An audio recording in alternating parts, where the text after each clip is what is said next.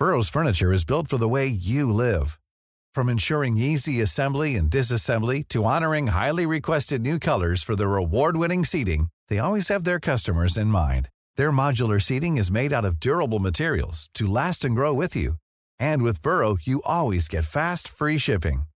Get up to 60% off during Burrow's Memorial Day sale at burrow.com slash ACAST. That's burrow.com slash ACAST.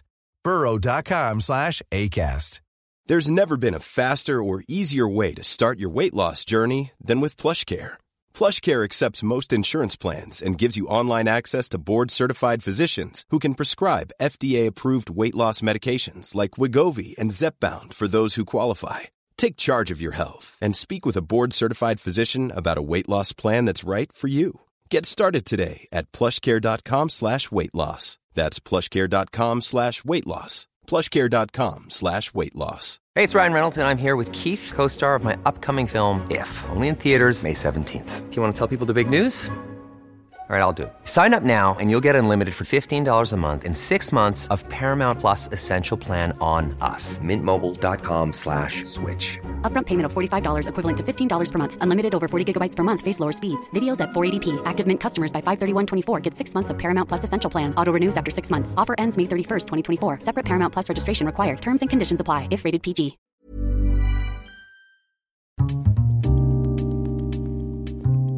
Programmet handlar om en noga utvald bok och ett samtal med dess författare.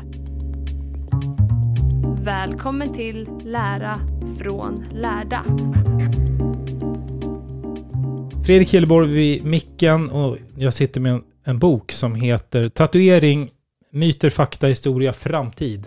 Mitt emot mig har jag en tatuerad gäst, får jag säga. Ja. Eftersom du har skrivit om det också. Helena Meijer, välkommen. Tack. Jag brukar alltid börja med att eh, gästen får presentera sig själv. Så vi kör igång där. Mm. Det blir, kan ju bli ganska brett om man ska presentera sig själv. Men jag heter Helena Meijer i alla fall. Jag är eh, 47 år gammal. Jag har bytt bana kan man väl säga och gått från jobb inom ideella idéburna organisationer till att utbilda mig till journalist och eh, historiker. Och också då skrivit den här boken om tatuering. Mm. Och jag har under skoltiden också skrivit flera arbeten om saker som rör tatuering. Så man kan väl säga att det är ett eh, stort intresse för mig. Mm. Jag har ju ingen tatuering, men jag är en person som kanske borde ha en tatuering. Mm, hur är en sån person? Nej, men jag tänker mig att jag har alltid liksom genom livet har gillat hårdrock. Jag har gillat Dennis Rodman som basketspelare. Som satte tatueringstrenden i basketvärlden skulle jag säga. Idag jag har många stjärnor Ja, tatueringar. Då hade bara han det. Eh, men det har jag inte. Eh, men du har fler. Hur många har du?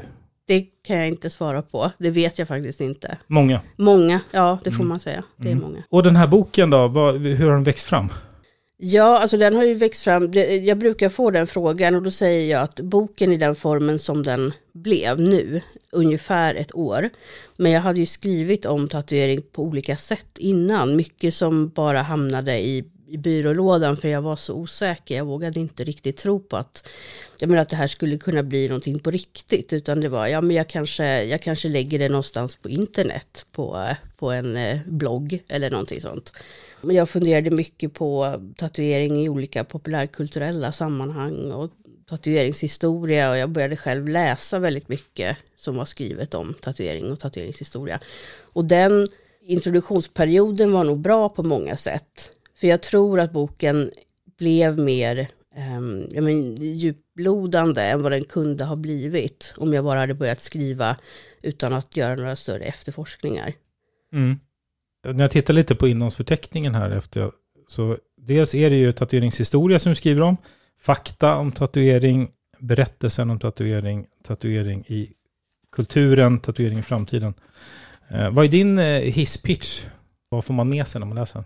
Nej, men jag tror att man får till sig kunskap som man inte trodde att man saknade om tatuering. Och det, man får med sig att, många, att det finns många myter kring tatuering och att de, det, människor är ganska oreflekterande kring dem. Mm. De är väldigt eh, inarbetade och som alltså en riktig eh, sanning har det blivit. Saker som inte, inte stämmer när man undersöker det närmare. Ja, för något som jag tycker är spännande är myter och missförstånd Mm, kring mm. ämnen. Och det skriver du en del om, så Mm. det tänkte jag gärna prata om. Ja. Eh, Men ska vi kanske ska börja, eftersom du också börjar i boken med tatueringens historia. Mm. Eh, börjar den änden, hur, hur länge vi egentligen har tatuerat oss? Ja, det vet vi ju inte riktigt. Och det handlar ju mycket om arkeologiska fynd där det faktiskt saknas, huden är inte bevarad. Utan det kan vara att man, man hittar skelett, man hittar föremål som inte bryts ner och så vidare. Men ibland så har man ju haft tur och hittat kroppar som har bevarats på olika sätt. Så och min favorit, eh, favoritmumie är ju ismannen Ötzi som man hittade 1991 i Sydtyrolen. Och de två bergsbestigarna då som hittade honom och polisen som kom till platsen, de trodde att det var ett nutida mordoffer. Men sen visade det sig att det var ett arkeologiskt fynd. Och när man också undersökte honom med infrarött ljus, en, en metod som man kan, eh, man kan använda för att, ja, för att se saker som ligger på andra spektrum. Eh, då hade han 61 tatueringar på kroppen. Väldigt enkla streck och prickar och ett kryss bland annat. Och man tror att det, det kan ha varit någon sorts akupunktur för att de sitter vid, vid leder och hans leder var väldigt slitna. Man vet att han också hade annan smärta. Han hade inälvsmask, han blev skjuten i ryggen med en pil som han, och det såret dog han av sen då. Och när var den här mumien ifrån? Lite över 5000 år gammal. Mm. Och det är det äldsta fyndet som, eh, som finns. Men sen finns det ju andra mumifierade kroppar också som man har, eh, både som man har hittat som kanske inte var menat att de skulle vara mumifierade, men också de som har blivit bevarade genom balsamering och så vidare. Mm. Så man vet inte exakt närifrån man börjar tatuera sig, men om man tänker sig lite så som de tatueringar ser ut idag, vet man, om man går lite närmare historien, hur länge man har ägnat sig åt tatueringar? Nej men det är ju svårt för att man har, alltså man får ju titta på, världen är ju, är ju stor, det finns många olika kulturer och i vissa har man inte tatuerat sig under perioder. Och i andra så har det varit väldigt vanligt förekommande och sånt som alla gör, ska, har stora tatueringar av olika slag. Men om man tittar på Europa så är ju något av det jag tycker är häftigast är ju att det var en, en sed bland kristna pilgrimer att tatuera sig i Jerusalem som, eh, men som en symbol på att man hade varit där och man hade, man hade gjort sin pilgrimsresa. Och de hade ofta stora tatueringar, lite som man pratar om idrottsstjärnor idag. Det kunde vara liksom en halv underarm, en hel underarm, kanske någonting på, eh, på överarmen med starkt religiösa motiv. Mm. Och då, sen åkte de tillbaka till eh, ja, men sina hemländer och ibland så har det liksom blivit fångat på, i någon, något porträtt. Att en person har en, har en sån tatuering eller så har de skrivit om det i sina reseberättelser så att man har fått reda på det. Just det tänker jag är en av de delar av Europas historia, tatueringshistoria, som är mest okänd egentligen. För vi pratar mer om kanske några hundra år framåt i tiden. Att eh, människor som var på sjön eller som var i, eh, i armén till exempel var tatuerade. Och det kan ju också handla om att man reser, man rör på sig, man vill ha med sig en souvenir hem. Men det började ju inte där, utan det kom ju långt tillbaka. Mm. Nej, men kontentan är ju att det är ju absolut inget nytt Nej, nej, det är eh, inte det. fenomen någonstans. För att en annan sån, eh, vad ska man säga, det som du beskriver som jag tycker också är lite kul, det här med att det går, den här, den här cykeln med att, att det börjar, det börjar skrivas och diskuteras, ja nu är den här trenden på väg Mm, ut och nu mm, kommer det mm. tillbaks. Alltså, och där har du gått tillbaks i arkiven och tittat, Mm. och det där är en, en, eh, vad ska man säga, en berättelse som återkommer. Ja, ja. Beskriv det lite grann. Ja, nej, men det var, det var roligt för jag, jag läste en tidningsartikel där de hade intervjuat en, en brittisk eh, konstvetare som också forskar på tatuering. Och han hade berättat då att det, jag menar att det fanns tidningsklipp från flera hundra år tillbaka med, som beskrev tatuering som en ny trend. Och då blev jag så nyfiken på om det här också kunde gälla svensk dagspress. Så att jag har suttit på eh, Kungliga biblioteket och letat i deras digitaliserade arkiv. Det är helt fantastiskt. Det går att skriva in tatuering och så kommer det upp eh, artiklar från eh, flera århundraden. Och det är verkligen en typisk, jag menar så här typiskt utrop, typisk eh, rubrik att den nya trenden tatuering. Och nu har det blivit en modefluga i, eh, i London, det har blivit en trend i bland amerikansk societet eller brittisk societet. Och, det, eh, och så omväxlande med det då så får någon, eh, ibland etnolog eller någon professor uttala sig om att ja den här seden den är primitiv och är på väg att dö ut nu. Och det om några årtionden så kommer ingen tatuera sig längre. Och så tittar man på hur det egentligen blev och så ser man att det, men det har ju blivit jättevanligt att Mm. tatuera sig. Och det visar ju också på att man, jag menar man pratar om det här förr i tiden, som var när tatuering var något helt annat än vad det var idag. Det förr i tiden flyttar sig ju tillbaka. För redan där i början på eh, 1900-talet så pratade man om förr i tiden. Då var tatuering någonting för men sjömän och kriminella. Men om man pratar med någon idag så kanske de pratar om att det var så på 50-talet. Och det är såklart att de här grupperna som man pratar om har ju varit tatuerade. Och många gånger så kanske det har varit ett kännetecken för att man har begått ett brott eller varit på sjön. Men det var ju inte bara dem. Och det är det jag tycker är så viktigt. Det var inte bara de här personerna, men andra människor pratar man inte om, för det var inte lika tydligt att man hade tatuering. Kanske hade heltäckande klädsel. Mm. Visade inte upp dem eh, för, eh, ja men för vi har en helt annan sätt att klä oss idag. Mm. Där det blir väldigt synligt så. Så att det här narrativet med att nu är det en trend och nu är det på utdöende och sådär. Alltså det här, det här är någonting som har Ja, återkommit ja, eh, gång på gång på Ja. gång genom historien om man tittar då. Ja, om- jättespännande. Medialt. ja. Eh, och det kan man fortfarande höra om att då kommer det där narrativet en gång till. Ja, ja. Jag förstår att det kan vara lockande att se. Jag tror att det är någonting med tatuering, det kommunicerar ju väldigt mycket.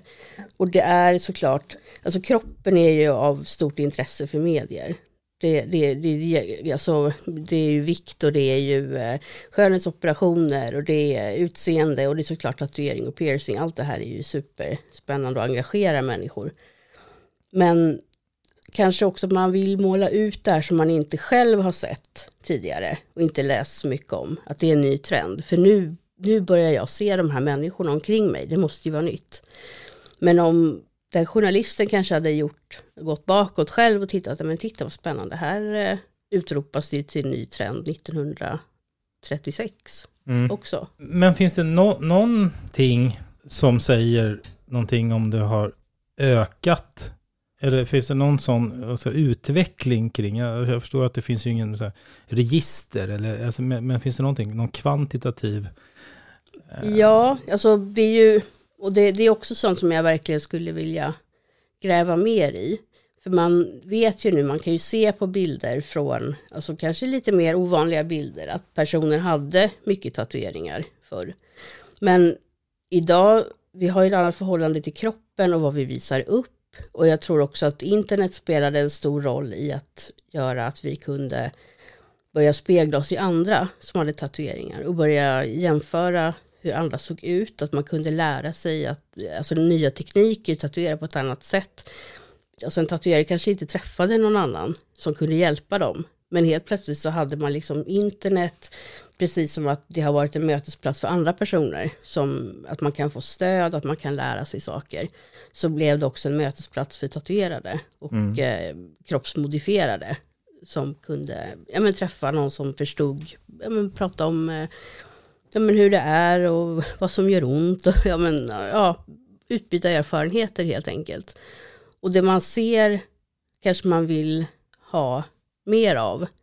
Och det går ju också att se det att tatuering kanske har blivit mer vanligt att ha på mer synliga ställen. Och det tror jag också handlar om att man kan spegla sig i en annan person och säga att ja men den har faktiskt tatueringar på halsen.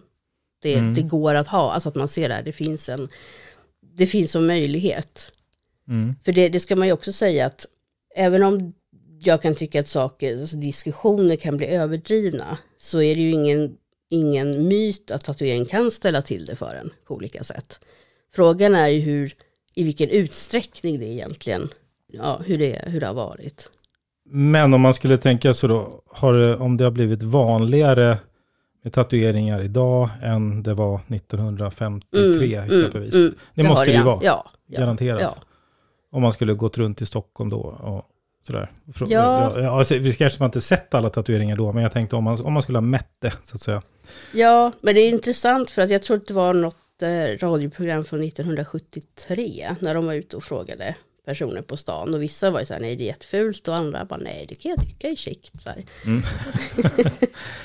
Eh, ja, men så svarar väl folk idag också kanske. Ja, ja. Men, men just det här med de som är tatuerare, Ja. eh, finns det något, eh, hur, när man blir det, vad krävs? Jag tänkte, eh, finns det något register över antalet tatuerare eller något sånt där? Nej, det finns ju, tatuerare idag är ju engagerade i olika föreningar, till exempel SRT, att man vill jag menar att det ska vara kvalitet, att det ska vara rent, att man ska jobba med hygien, att man ska kunna ta examen, alltså lärlings, bli lärling och mästare, få mästarbrev som tatuerare, just för att göra det ja, men tryggare och säkrare för, eh, för kunderna. Men det, alla är ju inte med där och vissa jobbar ju fortfarande hemma kanske. Och det är väl inte alltid lämpligt, men så är det. Så att, nej, jag skulle väl inte säga att det finns något tatueringsregister. Myter och associationer. Mm. Myter är ju väldigt intressant. Mm. Vilka skulle du säga är de vanligaste myterna? Ja, alltså jag har ju tagit upp några lite mer medicinska myter. Bland annat med att man, eh, det kan säkert ställa till det också, men ett tag under 1990-2000 där då var det en stor diskussion om eh, rygg, eh, eh, epidural vid förlossning. Om man var tatuerad i svanken. Det var ju så nära sanningen som man kunde komma, det var ju så. Men det har ju visat sig, dels kanske man inte är helt täckt. Man måste ju inte sätta nål då precis mitt i eh, själva tatueringen. Och det här eh, diskussionen gällde bara kvinnor som skulle föda barn. Det handlade aldrig om att det var en man som behövde den typen av bedövning för att, på grund av en operation eller ett annat medicinskt ingrepp, utan det handlade ju om att kvinnor jag tror att det är någon så här sunkig sexualsyn på att kvinnor som tatuerade sig i svanken var lite eh, sämre, lite lösaktiga och då skulle de straffas med att få en smärtsam förlossning. Precis som, eh, som Gud säger då i Bibeln, med smärta ska du föda dina barn för att du har begått en synd. Och jag, jag tyckte det var så fascinerande. För det är klart att men det, om, det, om det är ett stort problem, då är det bra att man undersöker det och ser om det, om det stämmer. Men man behöver ju inte ovanpå det lägga de här ja, men mer eller mindre fria fantasierna som bara moraliserar. Nej. Egentligen. Sen är det ju det här klassiska då, att det bara var sjömän och kriminella som tatuerade Mm. sig förr. Det är ju en väldigt lång diskussion egentligen. Det går liksom inte bara att säga att... Nej, Alltså men, lång att den har hållit på länge eller ja, lång ja, nu? ja, ja, men den har hållit på länge och den är ganska mångfacetterad. Mm. Och det är inte bara att så här, ja, ja men det var bara dem. Utan man, man kan inte prata om det utan att gå in på synen på vissa människor som är primitiva. Eh, människor som inte levde i västvärlden som var vita, att de var eh, ett steg närmare djuren, ett steg närmare aporna. Och ett kännetecken för det var att de tatuerade sig. Och när man sedan tittade på människor i, i väst som var tatuerade så drog man liksom lika med säcken att de här personerna är också mindre utvecklade. De är också eh, mer primitiva. Som, de, de når liksom inte upp till nivån. Men just associationerna till de som är tatuerade Mm. då? För det kanske egentligen inte är en myt, det är väl snarare kan ju vara fördomar och associationer. Ja, för jag tänker, där, där finns det ju flera intressanta aspekter. Dels så, så är det ju här med, jag tänker att tatueringen också har med, med lite det upproriska, det finns inom vissa, eh, vad ska man säga, alltså grupper. Dels har vi ju då vissa kanske Mm. kriminella Mm. grupper, alltså Hells Mm. Angels, där Mm. det så här rent konkret har sina Mm. egna symboler Mm. och sådär. Mycket tatueringar, men sen har det ju som inom hårdrock eller inom punk och skate. Det finns ju inom olika grupper, men sen har det väl också rört sig in i vissa finrum eller som artister, Ja, popkultur, ja, men idrott. ja, och det, det är ju så här med grupper, i vissa grupper så kanske man använt det för att revoltera, men i andra grupper, om vi tittar på andra ställen i, i världen, att det inte alls handlar om revolt utan snarare om tillhörighet. Mm, imagebygge på något vis. Ja, det är precis. Och sen om man tittar på de här kristna pilgrimerna så var ju inte de några upprorsmakare utan det var ju eh, mäktiga eller rika, eh, eh, resursstarka personer som kunde göra den resan. Men sen är det mycket att man, när man tidiga kriminologin så undersökte man vissa grupper som ja men ofta fanns liksom i, i rullorna, det fanns register och det var personer som var på sjön eller de var i armén eller de satt i fängelse. Och då, om man bara tittar på de här och inte någon kontrollgrupp utanför, då blir det ju lätt att ja men alla de här har en tatuering, så då är det nog ett kännetecken för soldater, sjömän och kriminella. Mm, och när var det här i tid? Ja, 1800, 1876 kom ju en väldigt inflytelserik text från en italiensk kriminolog Mm. som just tog upp det här. Och så var det lite av en de debatt nere i Europa mellan eh, franska och italienska kriminologer som också in, ja, där också ingick tatuering. Om det var en, en typ av degenerationsprocess hos befolkningen eller om det var då en atavism, alltså en person som låg eh, lägre ner i utvecklingen. Mm.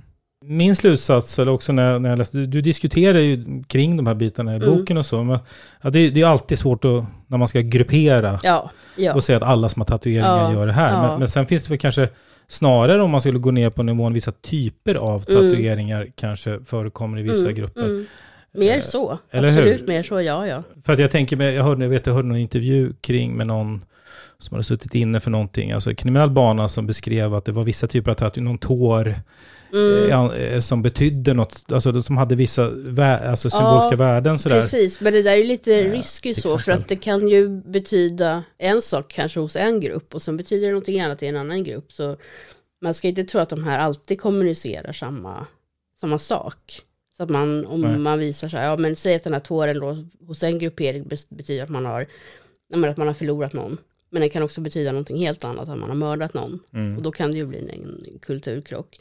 Men absolut att olika grupper plockar upp olika symboler. Ja, precis. Och jag tänker, där, där kanske just kommer ett inflöde av att man det skapar vissa associationer Mm, med just mm, kriminella mm. tatueringar, fast en viss typ av tatuering Mm. möjligtvis då kanske. Ja men så här, det finns ju Yakuza-tatueringar, de är ju väldigt kända, japanska maffian då. Och sen finns det också, eller har funnits en viss typ av tatueringar från ryska fängelser, men också som har också en väldigt djup symbolik som betyder väldigt, alltså verkligen, att ett visst antal kupoler, om man har tatuerat in det, så betyder det att man kanske har suttit inne så många år. Mm. Men om en person i Sverige skulle göra något liknande för att de tycker det är vackert, då betyder det ju inte samma, samma Nej. sak. Nej, precis. Och, och jag menar, ha en, ha en, eh, inte vet jag, fjäril på skuldran, Mm. det kan ju vem som helst ha. Alltså Mm. det säger ju inte så mycket Mm. om. Nej, Dålig fantasi kanske, men, men det är ju ett av de absolut vanligaste motiven. Ja, jag har varit fråga det länge. för det, det skriver du inte om vanligaste motiv. Nej, det gör jag faktiskt inte. Ehm, men det är också en sån sak som kunde vara intressant att gräva mer i. Är det fjäril som är... Ja, Det det har ligger i varit toppen. ja, men alltså jag vet inte om det gör det nu, men det låg väl i toppen ett tag, någon gång på kanske 90, början på 2000-talet. Mm. Men man har ju tatuerat fjärilar, både män och kvinnor har gjort det under lång tid. Jag, det kanske är ett motiv som talar till oss väldigt mycket. Just Mm. det här med metamorfosen och att man eh, går från liksom en, en puppa till en fjäril och blir den man är. Och, Om man ställer frågan då varför man tatuerar sig, mm. så finns givetvis eh, en flora av anledningar. Mm. Men vilka är de vanliga anledningarna? Finns, går det att eh, summera eller få ihop? Ja, men alltså jag tänker dels tillhörighet. Att man, och det behöver ju inte vara som jag var inne på, att man tillhör ett specifikt kompisgäng här, utan att man också identifierar sig med andra personer som man pratar med på nätet eller som man ser på nätet. Man, man har någon som man, den här personen vill jag efterlikna. Men det är klart att det kan handla om att göra revolt också mot eh, omgivande samhället eller mot en konservativ familj eller någonting annat. Det kan betyda att man vill skrämmas, men det kan också betyda att man bara tycker det är fint tatuera blommor. Jag tänker ju ofta att det finns ju inte bara en tatuering, alltså tatueringen, utan det är ju, det kan ju betyda så mycket. Det är, det är precis som att vi väljer helt olika typer av kläder eller smink eller eh, vad vi vill jobba med, var vi vill bo, hur vi vill leva våra liv. Mm. Men någonstans ändå ganska starkt kopplat till identitet, Ja, ja. Eh, vem man är, vill Mm, vara, likna, alltså, Mm, eller hur? Det är väl mm, något- mycket, ja, kommunikation och identitet. Ja. Mm. Det är spännande. In the market for investment worthy bags, watches, and fine jewelry, Rebag is the answer. Rebag is a luxury resale platform where each piece is carefully inspected by experts to ensure quality and authenticity. Use Rebag to buy and sell finds from the world's top brands, including Louis Vuitton, Chanel, and Cartier. Head to Rebag.com to get 5% off your first purchase with code REBAGNEW. Shop today at Rebag.com. That's R E B A G.com. And use promo code REBAGNEW for 5% off your first purchase. One size fits all seems like a good idea for clothes until you try them on. Same goes for healthcare. That's why United Healthcare offers flexible, budget friendly coverage for medical, vision, dental, and more. Learn more at uh1.com. Hey, it's Ryan Reynolds, and I'm here with Keith, co star of my upcoming film, If, only in theaters, May 17th. Do you want to tell people the big news? All right, I'll do it. Sign up now and you'll get unlimited for $15 a month in six months of Paramount Plus Essential Plan on us. Mintmobile.com slash switch. Upfront payment of $45 equivalent to $15 per month. Unlimited over 40 gigabytes per month. Face lower speeds. Videos at 480p. Active Mint customers by 531.24 get six months of Paramount Plus Essential Plan. Auto renews after six months. Offer ends May 31st, 2024. Separate Paramount Plus registration required. Terms and conditions apply if rated PG. Jag minns att jag hörde någon intervju med, jag tror att det var Bingo Rimér, som sa att, att de förökar sig. Kan, han kan inte sluta tatuera sig. Jag tror att det var han som sa det. Ja, Eh, det är många som har sagt det. ja. Men det kan han säkert ha sagt. Ja, nej men det är bara som ett exempel. Eh, vad säger du om det? Är det så att um, du har ju själv mycket tatueringar? Mm, det, det, mm. går, det eh, går inte att sluta? Det, Nej men det, det är också en sån här myt, tycker jag, som man kan vara försiktig med och, och säga. Man pratar mycket om beroenden idag, att man är beroende av så mycket. Och man kan självklart inte bli beroende av tatuering på ett fysiskt sätt, som att det skulle vara någonting i färgen som gör att man blir beroende. Däremot så tänker jag att det, om man bara hade tänkt sig en liten tatuering, så kan ju det bero på att man var rädd för smärtan, eller inte var säker på att det var någonting som, men som jag kan tycka är eh, för mig. Men så märker man att det var, ja men det var inte så farligt, kände sig fin, det var, eh, det var roligt, man ser någon annan typ av motiv som kanske skulle vara roligt att göra och tänker att det, ja men det är inte, det är inte så farligt. Eh, det, här gick, det här gick bra, så jag kan göra en till. Eh, och vissa blir ju, ja men blir ju fast, som, alltså för mig så är det, ja men det är ett sätt för mig att liksom hitta styrka tror jag, på många sätt. Eh, och jag tycker också att tatuering kan vara som en sorts färdighetsträning, för man måste ligga kvar och ha ont ett tag tills det är, är färdigt. Eh, och det att känna att man kan övervinna någonting kanske också kan ge någon sorts beroende. att man precis. Att, känner, jag, jag klarar saker, jag är stark, jag kan hantera detta.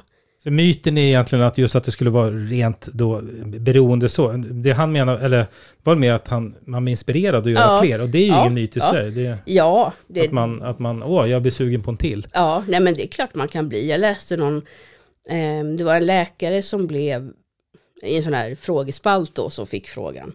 Och han jämförde det med att om man, om man har en trädgård och så fixar man till lite i ena hörnet med så här fina buskar och blommor, då kanske man tycker att det ser lite tråkigt ut i, resten av trädgården och då vill Mm. man ha dit mer.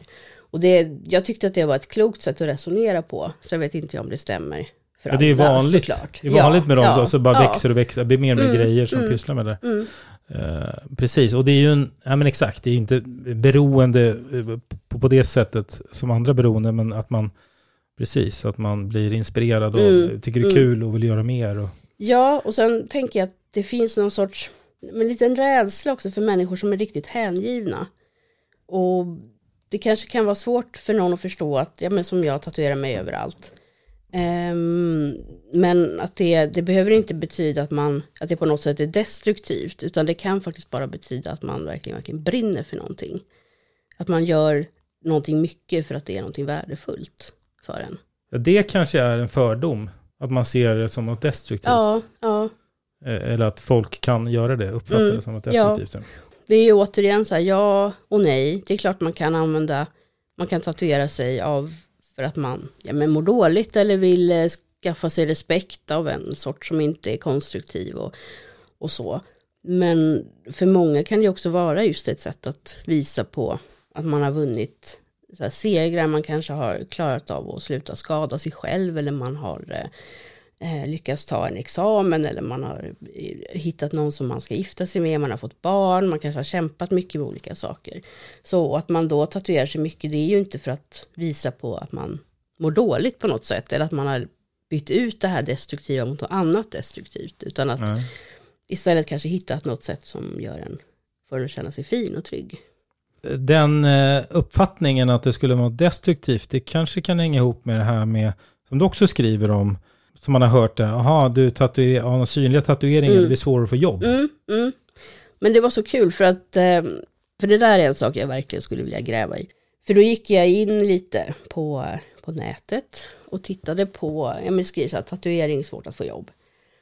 Och då är det ju Flashback som kommer upp och där är alla otroligt själv, självsäkra och vet att det går aldrig att få ett jobb om man är tatuerad, framförallt inte på bank. Ehm, och jag har också kikat runt i Facebookgrupper, det har jag gjort tidigare och det som är, jag säger absolut inte att det inte kan medföra att man inte kan få vissa jobb. Men det är talande att de som ofta svarar är sådana som inte har tatuering. Och de svarar ofta att det är omöjligt. Och sen spelar det ingen roll om det kommer in 5-10 personer som alltså, har tatuering i ansiktet och säger men jag kör färdtjänstbuss.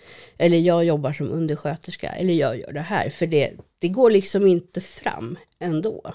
Nej. Utan det är att det, vissa är så bestämda på att det går inte att få ett jobb. Mm. Ehm, och det har liksom blivit någonting som att alla jobb är samma sak. Och att alla arbetsplatser har samma värderingar och samma krav. Ehm, och att då alla tatuerade, jag vet inte om de skulle leva i någon sorts långtidsarbetslöshet då. Under hela, Mm. hela livet.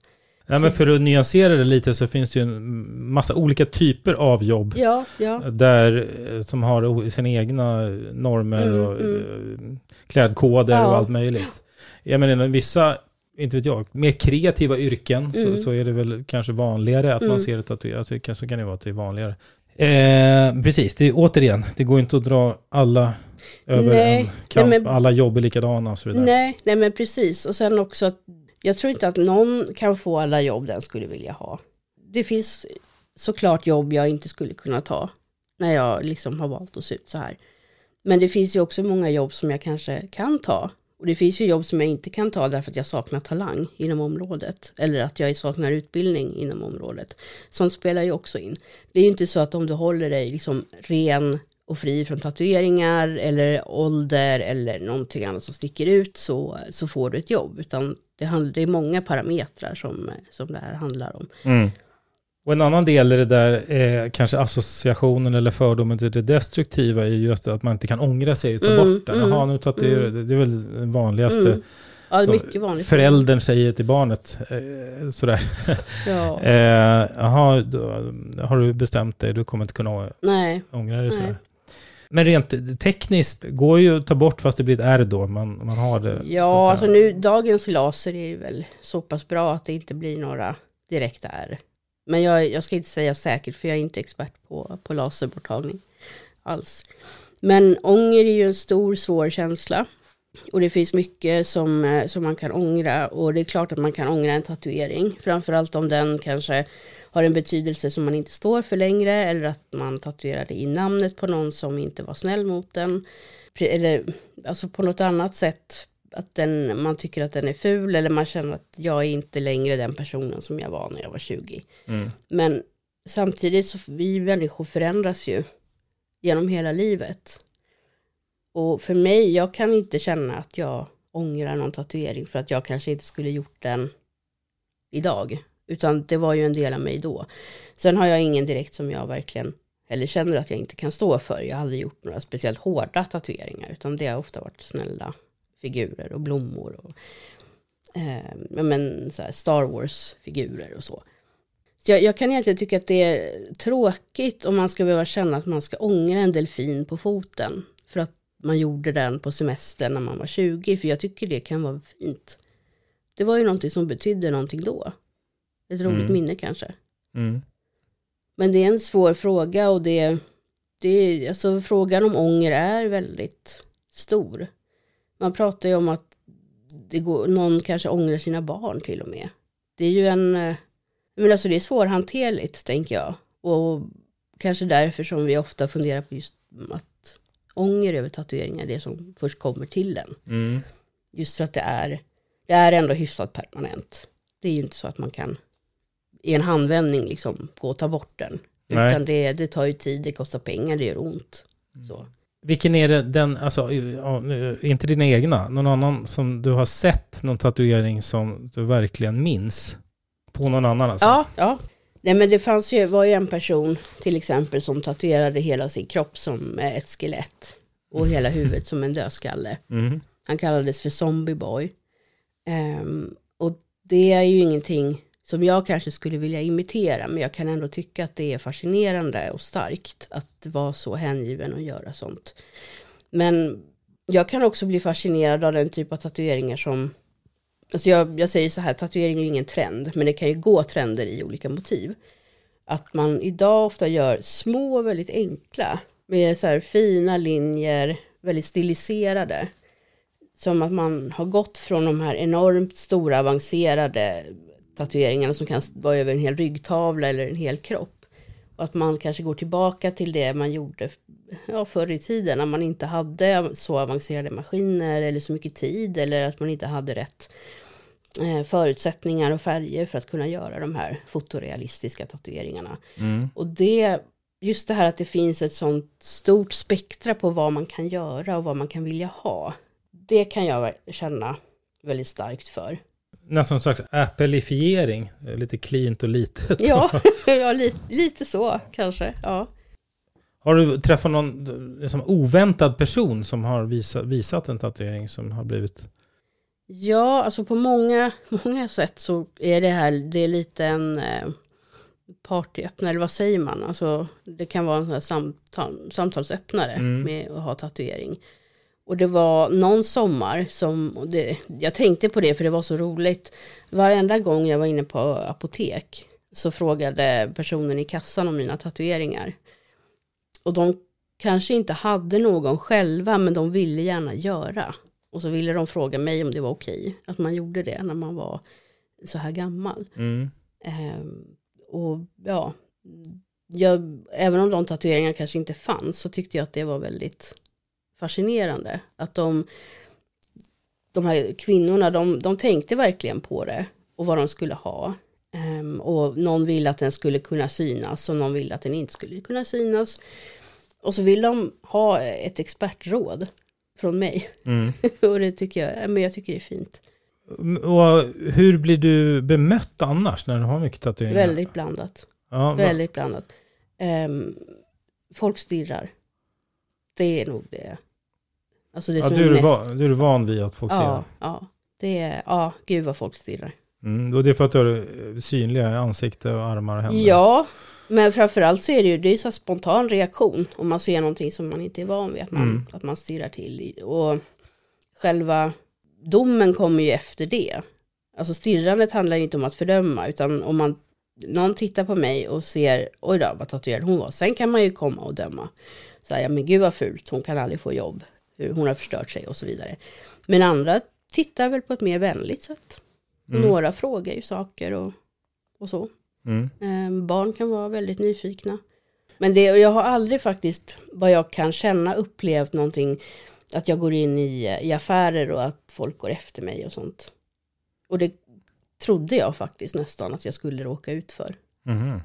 Alltså gå efter för att... Ja, för att jag, de inte, att jag inte ska sno något. Jaha, ja, Ja. du tänker så. Ja, nej, så att jag Mm. tycker, nej, blandat. Mm. Blandat. Mm. Men eh, mycket nyfikenhet tror jag också. Något som du diskuterar en del, det är det här med vad egentligen, vad tatuering egentligen är. Det här med Mm. att om det är en sorts, kan man se det som en sorts konstform av något slag. Mm, För det är ju också mycket, alltså det här kreativa, Mm, eh, mm. alltså förutom då man har, ja, man kan ha en, väldigt, eh, skriva sina barns namn och sådär givetvis, men, men det finns ju också det här liksom, som att vara tatuerare, det är Mm. alltså att kunna rita och, och motiven Mm, och den där mm, biten av mm. det. Ja, men det kan absolut vara, vara konst. Men sen, då kan jag tänka att just ett sånt här litet intressant fine line motiv kanske ibland kan vara mer konst eh, och ha en större betydelse än en sån här fotorealistisk ryggtavla. Men med det sagt så att det inte skulle, jag är inte riktigt rätt person tror jag avgöra heller vad som är konst. Men det är ju alltid ett kreativt uttryckssätt och det är ett fantastiskt hantverk. Just det här att, att kunna skapa med sina händer med hjälp av en maskin på en annan människas kropp. Det är Mm. ju egentligen någonting helt, helt otroligt. Eh, och sen vad som är konst och inte, det, det är ju inte alltid så lätt att avgöra. Och det räcker ju inte med att det är en fin teckning för att det ska kanske vara konst, utan då är det någonting annat. Alltså, tatueringar kan ju göras på så många olika sätt och man kan, eh, men man kan tatuera in en QR-kod och så när man scannar den så kanske man kommer till någonting annat som kan vara allt från en Rick Astley-video till eh, något ja, men mer djupt och genomtänkt. Mm. Så. Är det någon pusselbit i boken som vi inte pratar om som du vill nämna? Nej men det är väl mitt eh, lilla utforskande där av framtiden då kanske. Vad säger du om framtiden? Ja, alltså då ska man ju säga att det där är ju en liten spaning. Jag kan ju inte se in i framtiden. Och som, som man kan se då när man läser de här tidningsartiklarna i arkiven så är det lite vanskligt att försöka förutspå tatueringens framtid. För det har nästan alltid slagit fel. Men då är det ofta att man har sagt att det inte kommer finnas kvar och så. Men, men jag, jag tänker ju mycket på den här att vi kanske blir mer och mer cyborgs. Vi lever väldigt nära vår teknik, telefoner, dator. Vissa kan sätta in ett chip som man kan eh, eh, ja, men betala med på olika ställen. Och vi kan göra så här fantastiska proteser och robotarmar om när människor förlorar en kroppsdel och så vidare.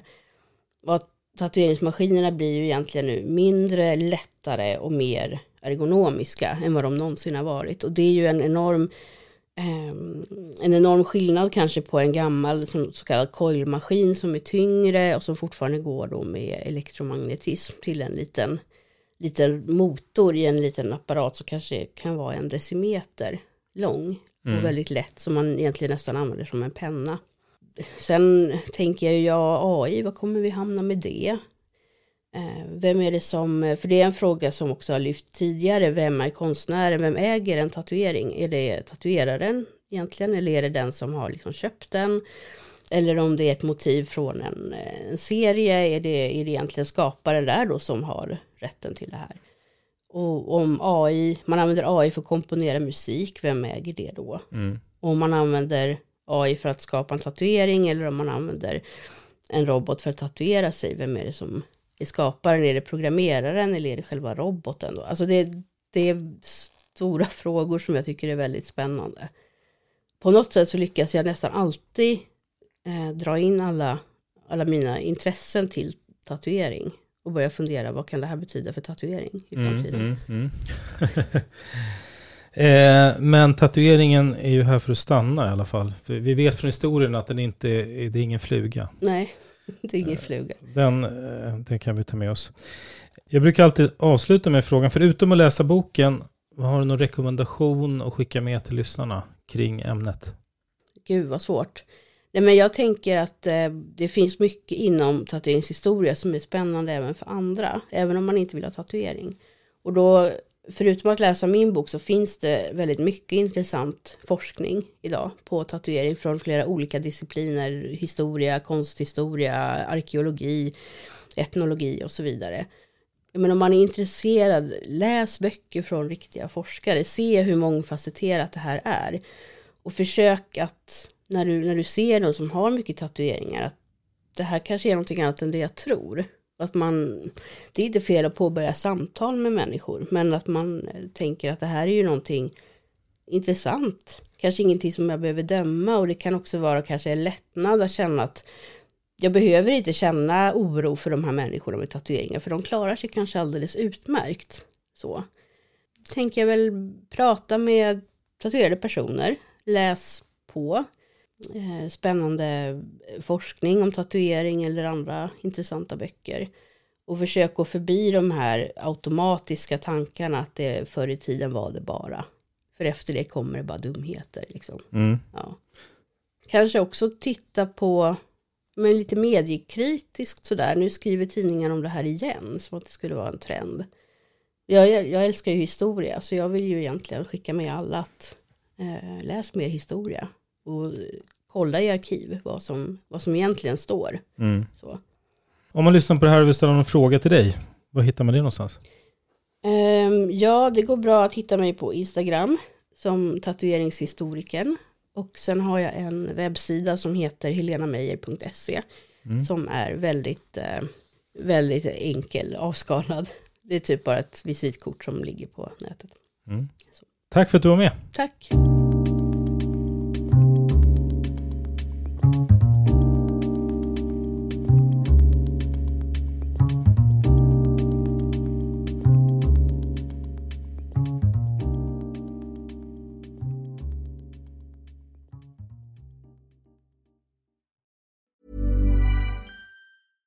Even when we're on a budget, we still deserve nice things. Quince is a place to scoop up stunning high-end goods for 50 to 80% less than similar brands. They have buttery soft cashmere sweaters starting at $50, luxurious Italian leather bags, and so much more. Plus, Quince only works with factories that use safe, ethical, and responsible manufacturing. Get the high-end goods you'll love without the high price tag with Quince. Go to quince.com slash style for free shipping and 365-day returns. Planning for your next trip? Elevate your travel style with Quince. Quince has all the jet-setting essentials you'll want for your next getaway, like European linen, premium luggage options, buttery soft Italian leather bags, and so much more.